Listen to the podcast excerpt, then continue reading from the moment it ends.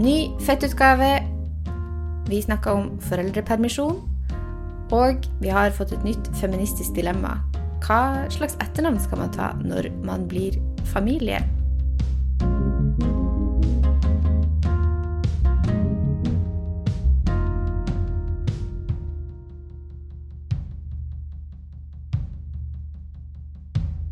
Velkommen til en eh, ny episode av podkasten Fett nok.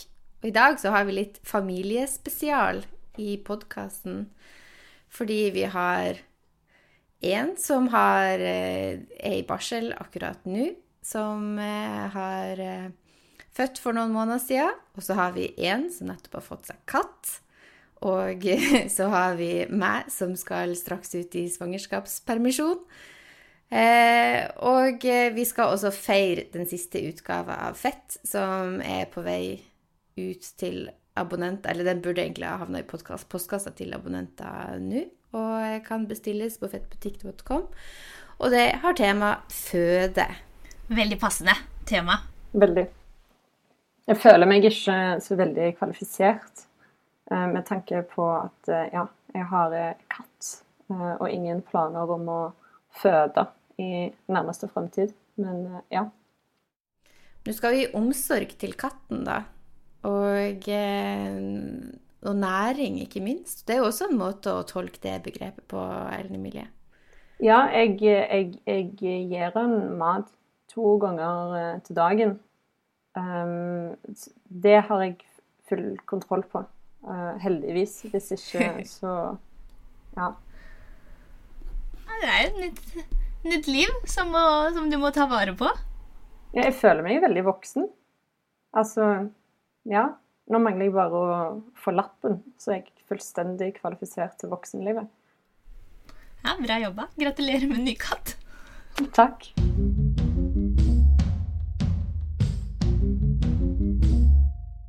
Og så har vi jo um, alle sammen skrevet i den nyeste utgava også, og det tenkte jeg at det kunne være passende å innlede denne episoden med.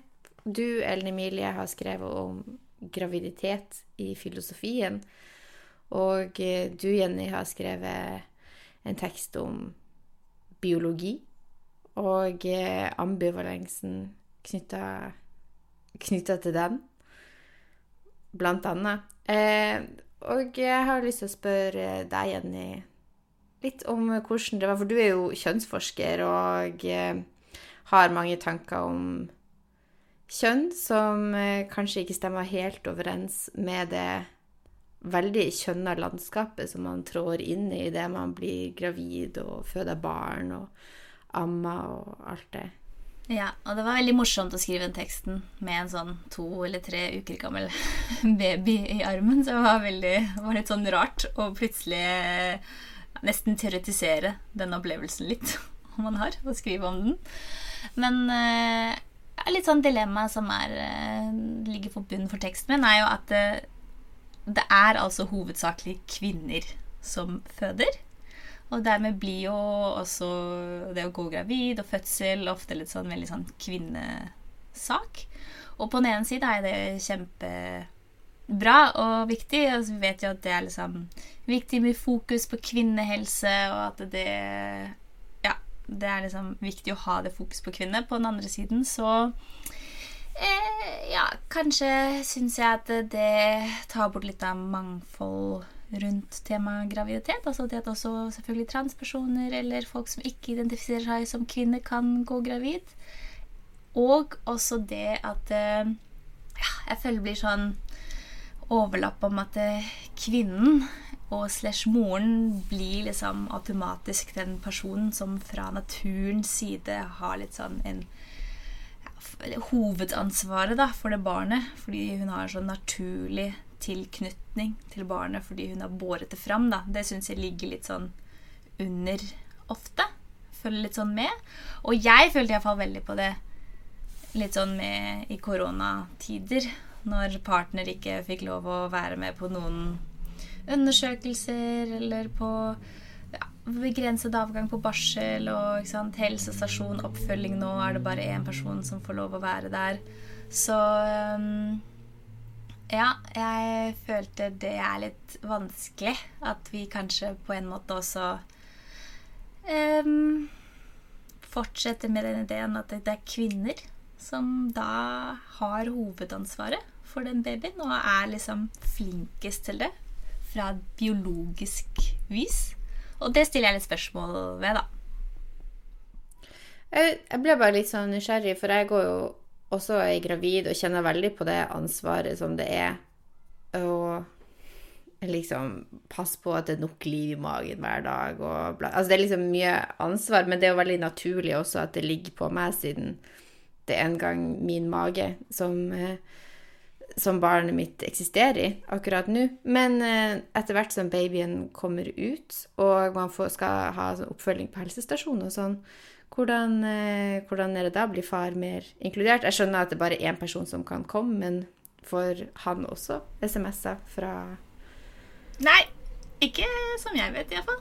Tror det er bare én person som får det. Man kan kanskje spørre om det, men jeg tror ikke det er naturlig. Jeg tror de skal bare ha ett nummer. Én person de forholder seg til. Um, og, men man kan jo kanskje velge at far går med barnet til helsestasjonen. Det kan man jo sikkert gjøre.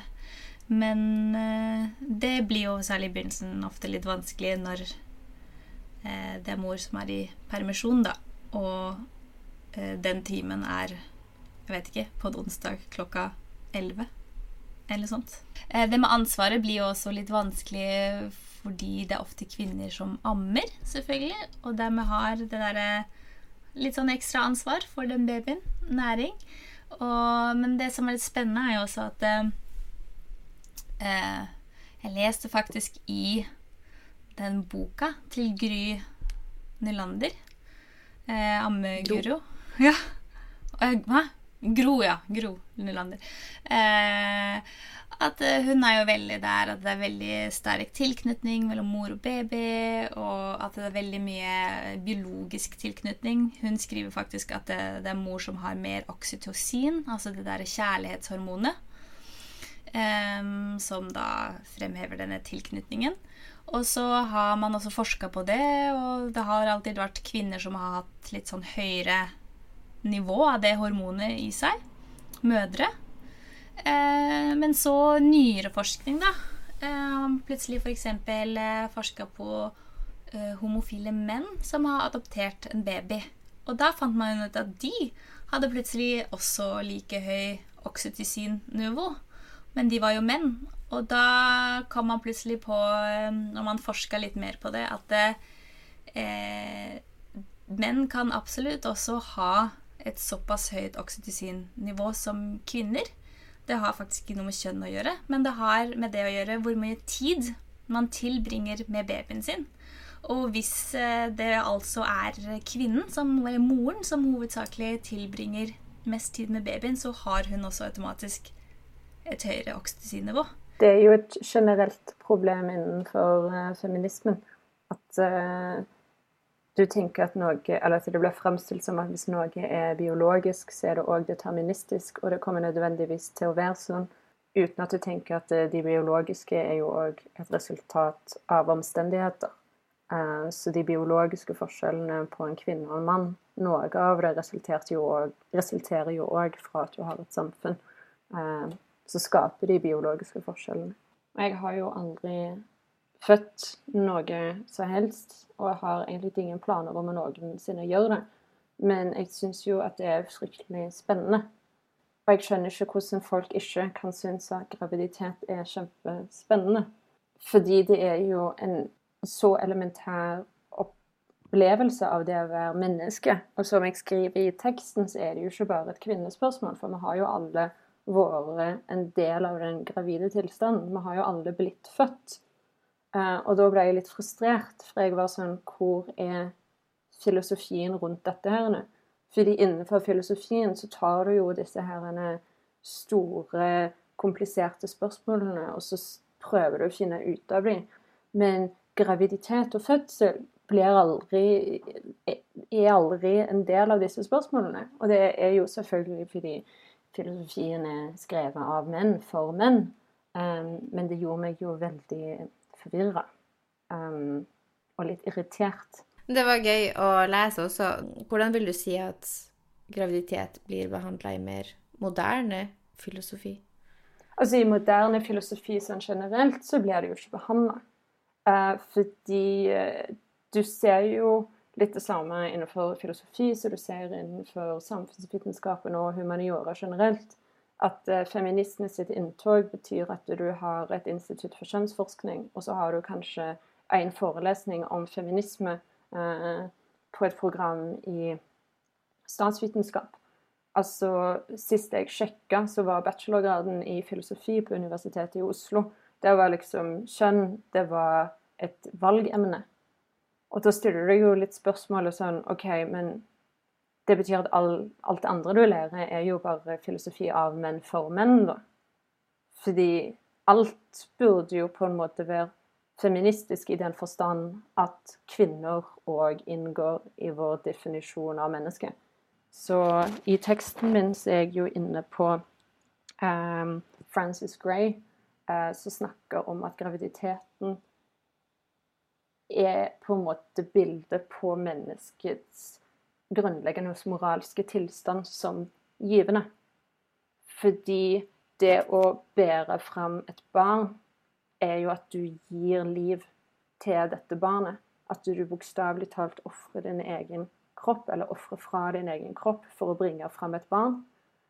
Og så har du en familie som tar imot dette barnet og tar vare på det. Selv om dette barnet er jo en fremmed, men barnet i seg sjøl er jo òg en gave til familien. Så livet ditt er en gave. Og det som er spesielt, er at disse, ingen av disse gavene kan gis tilbake. Fordi du kan jo ikke føde din egen mor, så du har fått et liv. Men du kan jo ikke gi liv tilbake igjen til den som har gitt deg liv. Um, og hun mener da at dette her burde være utgangspunktet for hvordan vi forstår menneskelig natur, men òg hvordan vi forstår moral. At det ikke handler om på en måte overveielser av mellom egoisme og eh, altruisme, f.eks., men at det handler om at vi er givende vesener. Og det vi gjør, er det som vi ikke kan forvente å få tilbake igjen. Fordi det var sånn vi kom inn i denne verden. Og det er jo revolusjonært. Revolusjonerende, fordi det passer jo ikke med bildet av mennesket som det rasjonelle individet og Ja. Og at eh, økonomien på en måte gir altså muligheter for utspring for våre kompetitive og individualistiske og dominerende krefter, på en måte. Ja, det er jo en kjempefin tanke, synes jeg hvert fall. Eller jeg syns det var veldig gøy å lese det når jeg leste det siste utkastet ditt av teksten. Og så sånn Ja, for en fin måte å Jeg bare tenkte det var spennende når du sa Jeg må tenke på det når du sa eh, Ja, vi må se på liksom ja, altså, Du sa jo det der sånn, Kvinner er mennesker eh, også. Og det var på en måte egentlig også jeg skrev på en måte som fasit i tekst. I teksten min, bare litt sånn omvendt eh, nesten. At eh, jeg tenkte eh, ja, altså Det er liksom litt av problemet når vi ser på graviditet og fødsel kun som en kvinnesak, da, og ikke som en menneskelig opplevelse som, som, mennesker generelt kan og burde bli påvirket av, og ikke bare mm, kvinner. da. Eh, fordi det eh, Ja, fordi det på en måte også Litt den redselen at det reduserer kvinnen til det, som jo er vanskelig. Ja. Jeg syns jo det også er litt sånn interessant med den diskusjonen som har vært var tidligere i vår om sånn begrepet fødeforelder, f.eks., og som jeg tenkte litt på når jeg leste teksten din, Jenny, og eh, at jeg tror litt av grunnen til at mange kanskje hisser seg opp over det at man liksom skal gjøre morskapet kjønnsnøytralt, er på den ene sida at man kanskje ikke har gått langt nok i å på en måte erkjenne kvinners erfaringer med fødsel og liksom kvinnehelseproblemer, og at man på en måte har så langt igjen å gå der, da. Og da er det liksom på en måte nødvendig å erkjenne kvinneproblemer som menneskeproblemer, men snakke om dem som spesifikke, og liksom ikke på en måte Fordi at den universelle malen passer ikke nødvendigvis til alle de erfaringene, da. Og det er jo litt sånn det dilemmaet man står i hele tida, da, når man snakker om kropp, føler jeg. Ja. Og liksom både klare å være spesifikk og allmenn på samme tid. da. For jeg tenker at mye av problemene rundt dette med fødeforeldre er at uh, mange kvinner føler at de har blitt undertrykka av patriarkatet pga. en kropp som gjennom historien har blitt ansett som defekt, og eh, graviditet har vært en byrde, og liksom, ja, kvinnekroppen er nesten per definisjon sjuk, iallfall historisk sett.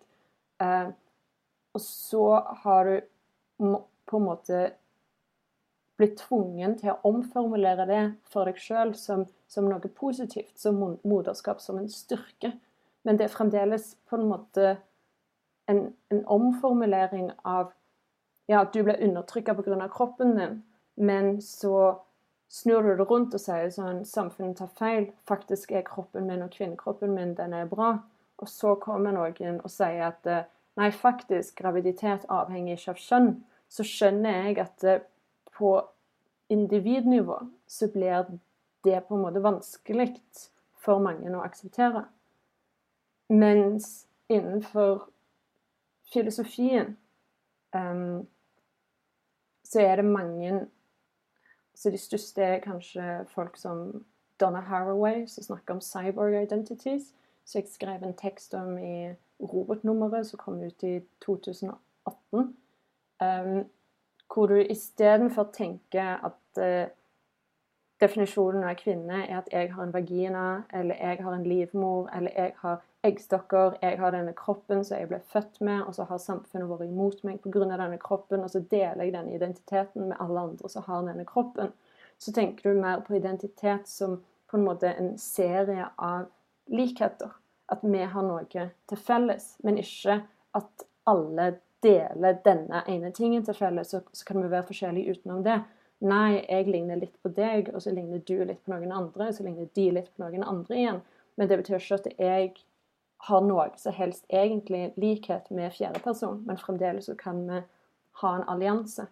Jeg syns jo det her er ekstremt eh, spennende eh, mark å liksom gå rundt og tenke på og trå i, og jeg vil jo absolutt anbefale alle som blir mer nysgjerrig på dette, om å lese teksten til både deg, Jenny, og Ellen Emilie.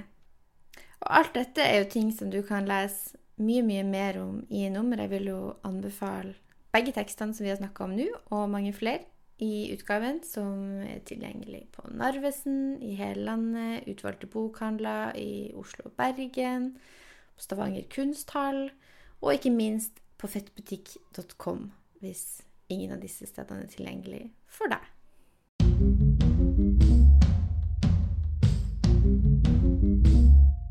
Og hvis noen hørte litt rare lyder i bakgrunnen i stad, så var det en eh, liten baby som var sulten. Eh, så det var kanskje litt ammelyder dere hørte i bakgrunnen, og, som jeg følte eh, passa egentlig veldig fint Eh, inn i denne diskusjonen.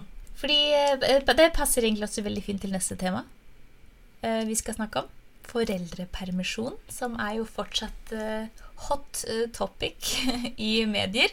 Hanne, har dere tenkt på hvordan dere skal gjøre det, eller?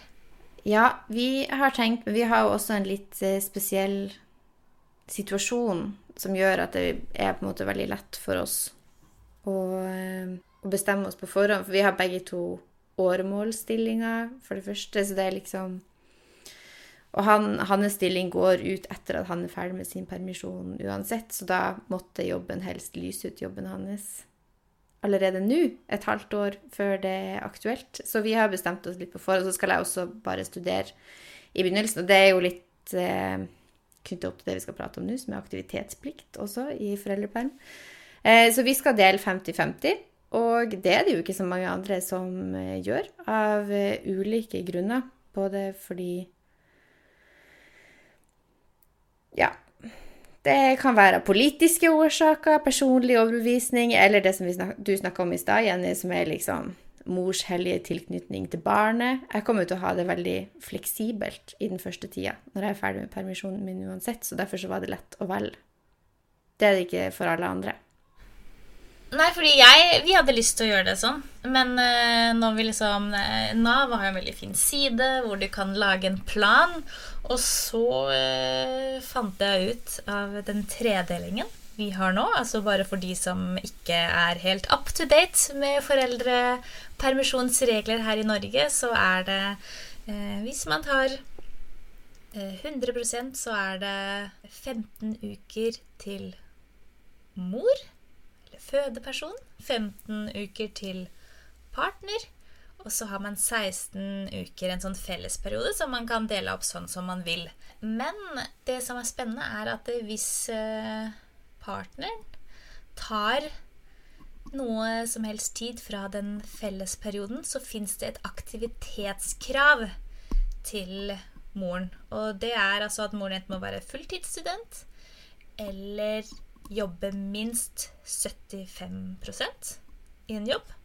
Eller eh, må jobbe deltid og studere samtidig, sånn at det blir fulltid. på en måte. Og, ehm, mens omvendt fins det ikke det, da. Altså Det fins ikke noe aktivitetskrav for far eller partner. Og så nå er jeg Så inn har jeg en jobbsituasjon som gjør at jeg ikke vet enda, eller ikke nødvendigvis kan innfri dette aktivitetskravet, da. Så jeg ble, eller vi blei på en måte nesten tvunget, sier jeg, eh, til at jeg tar hele eh, fellesperioden. Og jeg må egentlig innrømme at jeg syns det var ganske irriterende. Eller jeg syns det var kjipt. Jeg hadde veldig lyst til å dele helt likt. Men vet du noe om hvorfor det er sånn? Hvorfor det er aktivitetsplikt for eh, mora, men ikke for faren? Jeg vet ikke. Min teori Det er bare en teori, altså. Jeg vet ikke. Men teorien min er jo at øh, Kanskje folk er redde. At det oppstår en situasjon hvor øh, ja, mann, som kanskje også ofte tjener litt mer, tar ut den fellesperioden, sånn at de får liksom mer penger, men at moren også fortsatt er hjemme og egentlig fortsetter å gjøre den jobben mannen egentlig burde gjøre, da. Eller kanskje enda få mer jobb. At hun går hjemme og må, eh, i tillegg til å passe babyen, også passe på mannen. uh, og for å unngå det, da, så uh, finnes det dette kravet som de kan være sikre på at det er mannen som uh, må ha ansvar for babyen. Og kvinnen er på jobb eller på studiet. Ja, og det er jo på en måte sikkert Eller det er jo en god intensjon, tenker jeg, bak det. For målet er jo å få far til å være mer hjemme med ungen, ta mer ansvar i hjemmet. Men så blir jo kanskje konsekvensen at uh, han ikke får det i det hele tatt, dersom det er sånn at uh, Eller partner ikke får det, da, for å bruke et litt mer inkluderende språk. Nå merker at jeg tenkte veldig på min egen situasjon.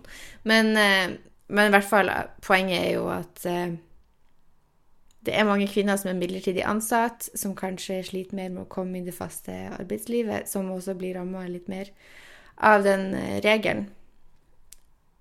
Så det er også veldig synd, da. Tenk, jeg kjenner til flere eksempler på lignende ting, og at far kanskje har lyst til å være mer hjemme. Men det er litt spennende, spennende fordi jeg føler egentlig at de fleste, iallfall det jeg leser i mediene, er egentlig mer omvendt. Og det er de vil at kvinner skal ha mer tid hjemme, og de føler at det er for lite tid for kvinnen hjemme og for mye tid for faren hjemme. Jeg føler det er det som hovedsakelig blir sagt i mediene.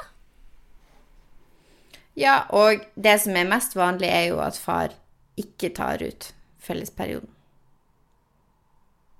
Kun 11% av de nybakte fedrene som mottok foreldrepenger i 2020, fikk noe av fellesperioden, leste jeg nylig i en Klassekampen-sak fra rundt 8. mars, f.eks. Så man er ikke i mål der med at uh, part, eller far er nok hjemme, da. Men uh, mye av på en måte diskusjonen um rundt at kvinnen skal få mer tid sammen med ungen, går jo ut på at uh, mora må amme um, Hvordan løser folk dette?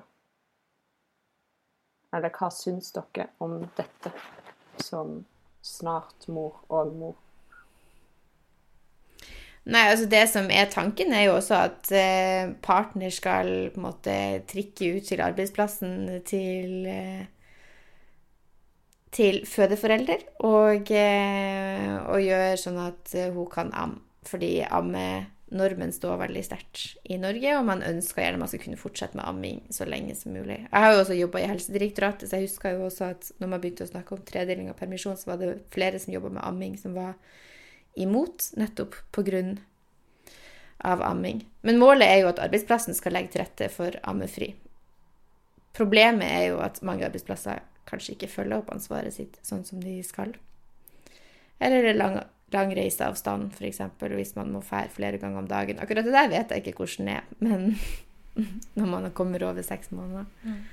Ja, det er spennende at det, eh, det er dette ekstreme fokus på Altså, jeg føler Norge er veldig, veldig ekstrem fokus på amming.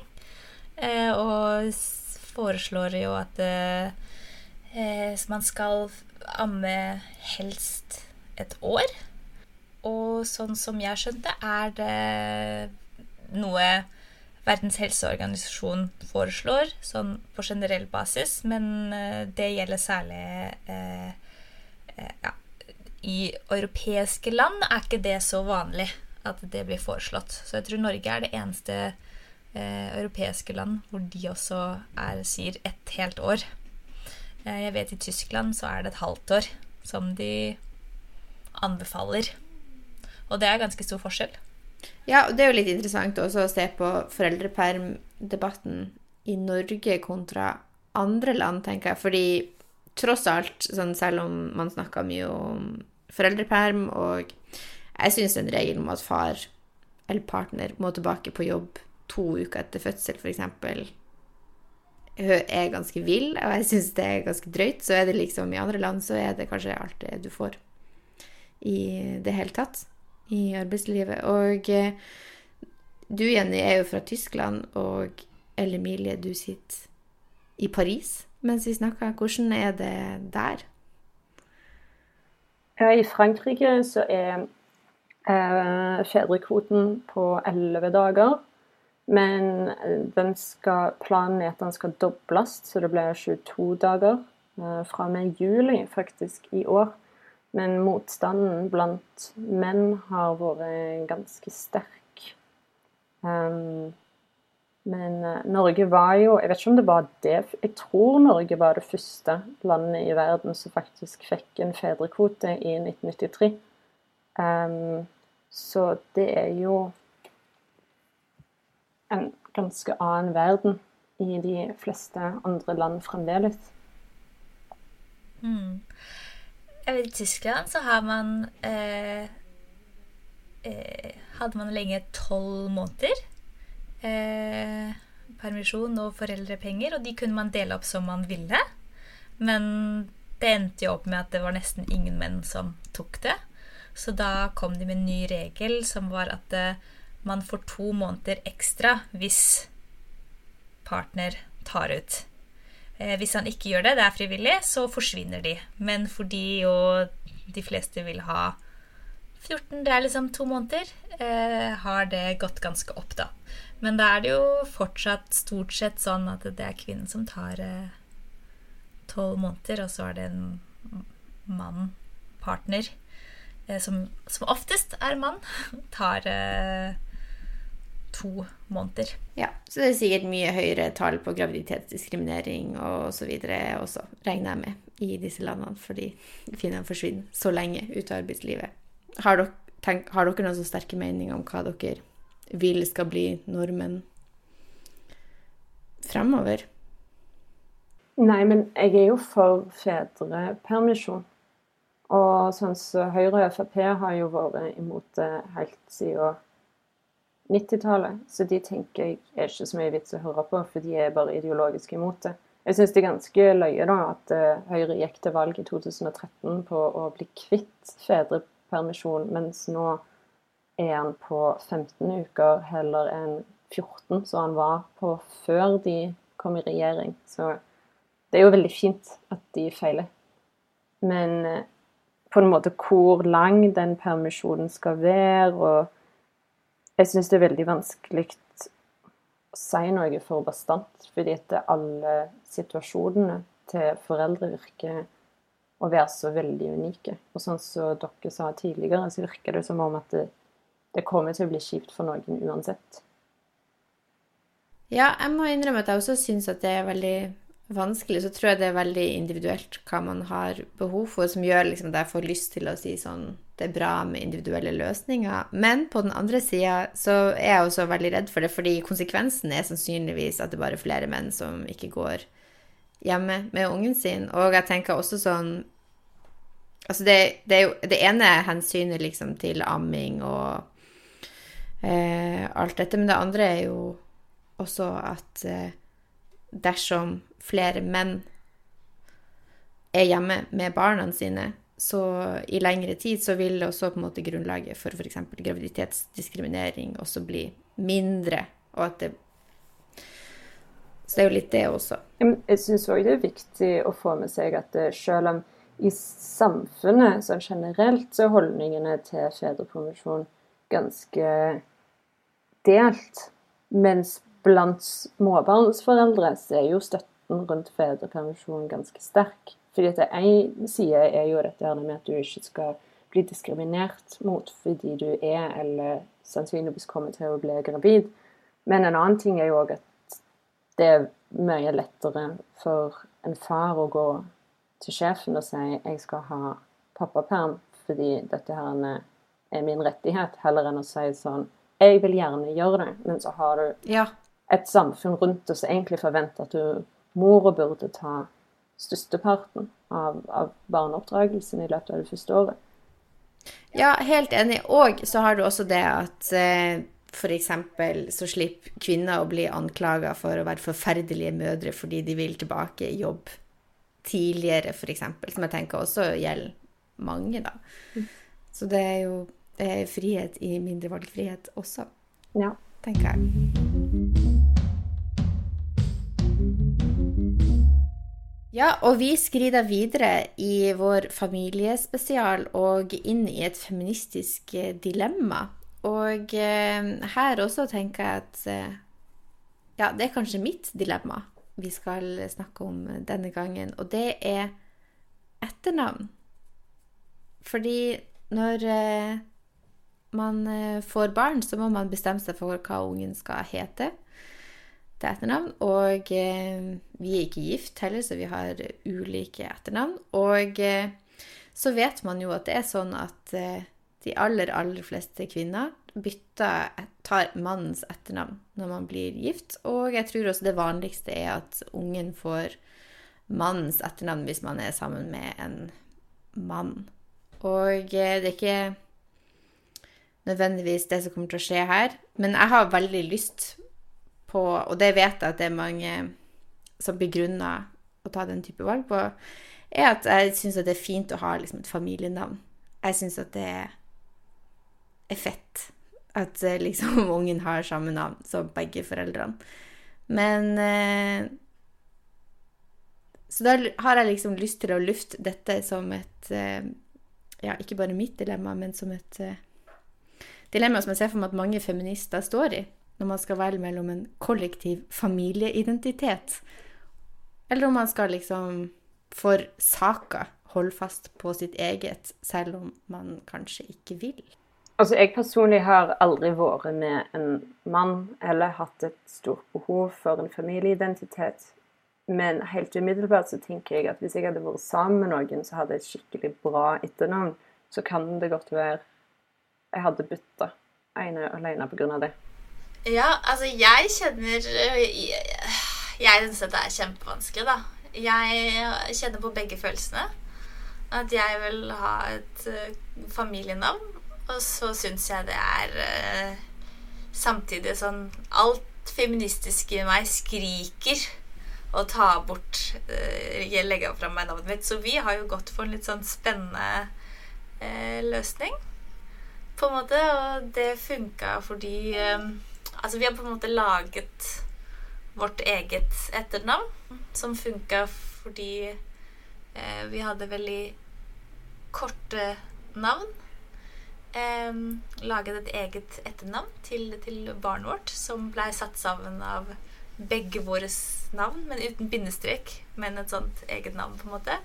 Men jeg har da tatt det som et mellomnavn, og ikke som etternavn. Det heter fortsatt Schnaller, og jeg syns ikke Schnaller er et uh, fantastisk fint navn. Det må jeg bare innrømme. Det er ikke sånn at jeg tenker dette navnet er så fint.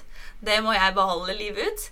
Men jeg um, det er uh, Jeg har ikke helt klart å løse meg fra det, altså. Fra et sånn feministisk perspektiv så er det sånn skal jeg virkelig gi fra meg navnet mitt? Jeg føler det er litt sånn Ja. Eh, feministisk svikt. For Men det meg. Kan jo, ja, jeg tenker òg at hvis du er Altså hvis du er skribent eller forsker eller noe sånt, så er jo òg det å skifte navn kan jo være litt skadelig for karrieren din.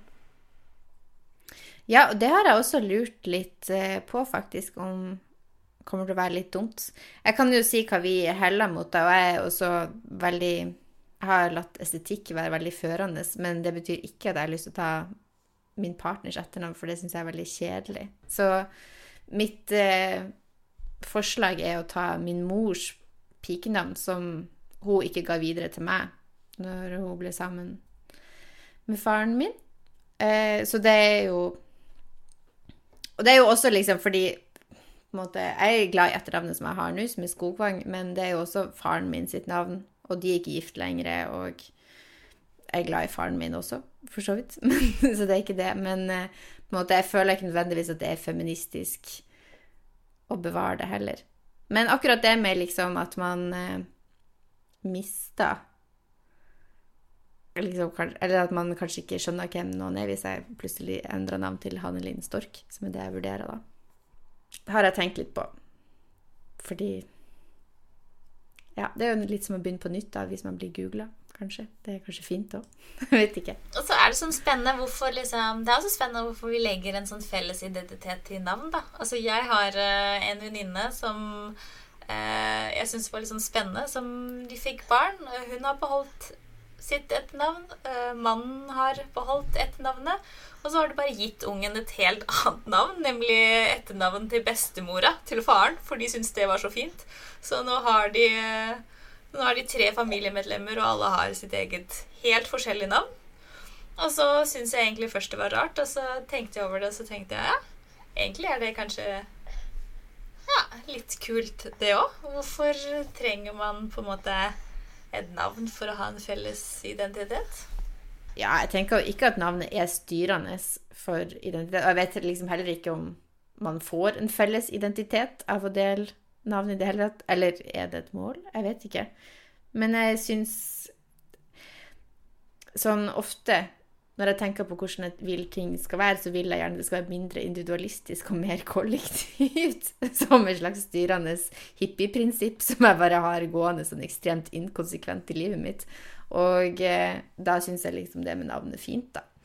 Men jeg tenker Men Jeg tror det handler mye om estetikk, egentlig. Ja, altså, jeg tenker òg at det er sånn eh, Helt ærlig så hadde jeg syntes det hadde vært litt rart hvis søstera mi, som er gift, hadde bytta navn.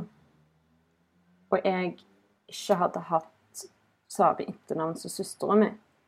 Fordi at selv om du på en måte skifter navn og skaper en ny kollektiv identitet, så er det ikke som om navnet du har nå, er en individuell identitet. Du fikk jo det som en del av en annen familiekonstellasjon. Men så skaper du din egen familie, og så skifter du navn og tar derfor et steg vekk fra den andre familien. Hvis du skal tenke på en måte at, at navnet er førende for identitet. I tillegg til at etternavnet mitt er Henriksen, liksom. Det er jo 20 000 millioner mennesker i Norge som heter Henriksen til etternavn, så jeg føler jeg er en del av en kollektiv masse uansett. Men hvorfor tror dere det fortsatt er sånn at det, det er mannen sitt etternavn folk flest tar i en sånn situasjon? Nei, jeg drev og leste en artikkel på Kilden kjønnsforskning som handla om ei som hadde gjort en doktorgrad om eh, om dette med navnetradisjon, da. Og eh, hun heter Line Førre Grønstad, så den kan man jo lese hvis man er nysgjerrig på dette. Og eh,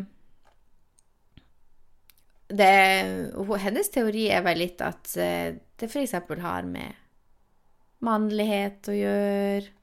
At det liksom bare ikke føles naturlig å ta noen andre sitt, andre sitt navn. Og så er det også sånn forskjeller mellom by og bygd og utdanningsnivå og alder osv. Så videre. sånn yngre så er det kanskje litt vanligere enn blant eldre. Ja. Jeg tenker en del av meg òg ville ha vært litt lat. Og jeg syns det høres litt stress ut å skifte navn. Ja, du trenger ny bankkort. Nytt pass. Nytt alt. Veldig mye Ja, arbeid. det er så sant. Men hvis jeg hadde vært sammen med noen som hadde etternavnet Stork, så kan det godt være jeg hadde gjort det. Ja. Jeg tror også litt av grunnen til at jeg har litt lyst til at vi skal ta dette navnet, også både fordi jeg vet at kjæresten min syns det er et fint navn, og jeg syns det er et fint navn, så jeg har vurdert å skifte det i mange år. Så jeg tenkte liksom her er en god anledning. Men, eh, men ja, det er mye ulemper. Du sier noe. Ja, Men eh, det er jo fint. Nå vet vi at uh, kanskje må holde øynene oppe for tekster av Hanne Lind Stork i fremtiden. Ja, kanskje. Eller kanskje jeg bare blir slukt av moderskapet, kollektivet. Alt sammen kommer aldri til å skrive et ord igjen. Du har i det minste de samme initialene, da.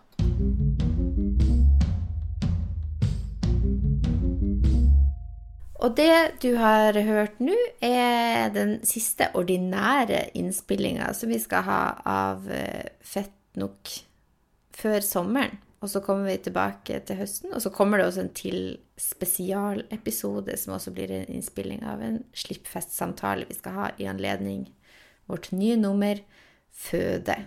Og da kommer du til å få høre Aida Leistad Thommessen fra Barselopprøret og Helene Guåker. Sumaya Jirde Ali, og jeg skal også være med i den. Så eh, den kommer når den kommer. Eh, men i denne episoden så har du hørt Jenny Schnaller og Ellen Emilie Henriksen. Eh, les veldig gjerne teksten deres i det siste nummeret av Fett, som har handla om føde. Kan du gå enda lenger inn i denne tematikken. Eh, så vil jeg også si at vi er støtta av Kulturrådet og av Fritt Ord, og svært takknemlig for det. Og at musikken du har hørt, er laga av Anna Linn Berg. Logoen er tegna av Kjersti Johanne Barli. Og at produsenten vår heter Eline Hystad. Og at podkasten også lages av Mari Lilleslåtten, Sumaya Irde Ali og Mona Jibril. God sommer til alle lyttere. thank you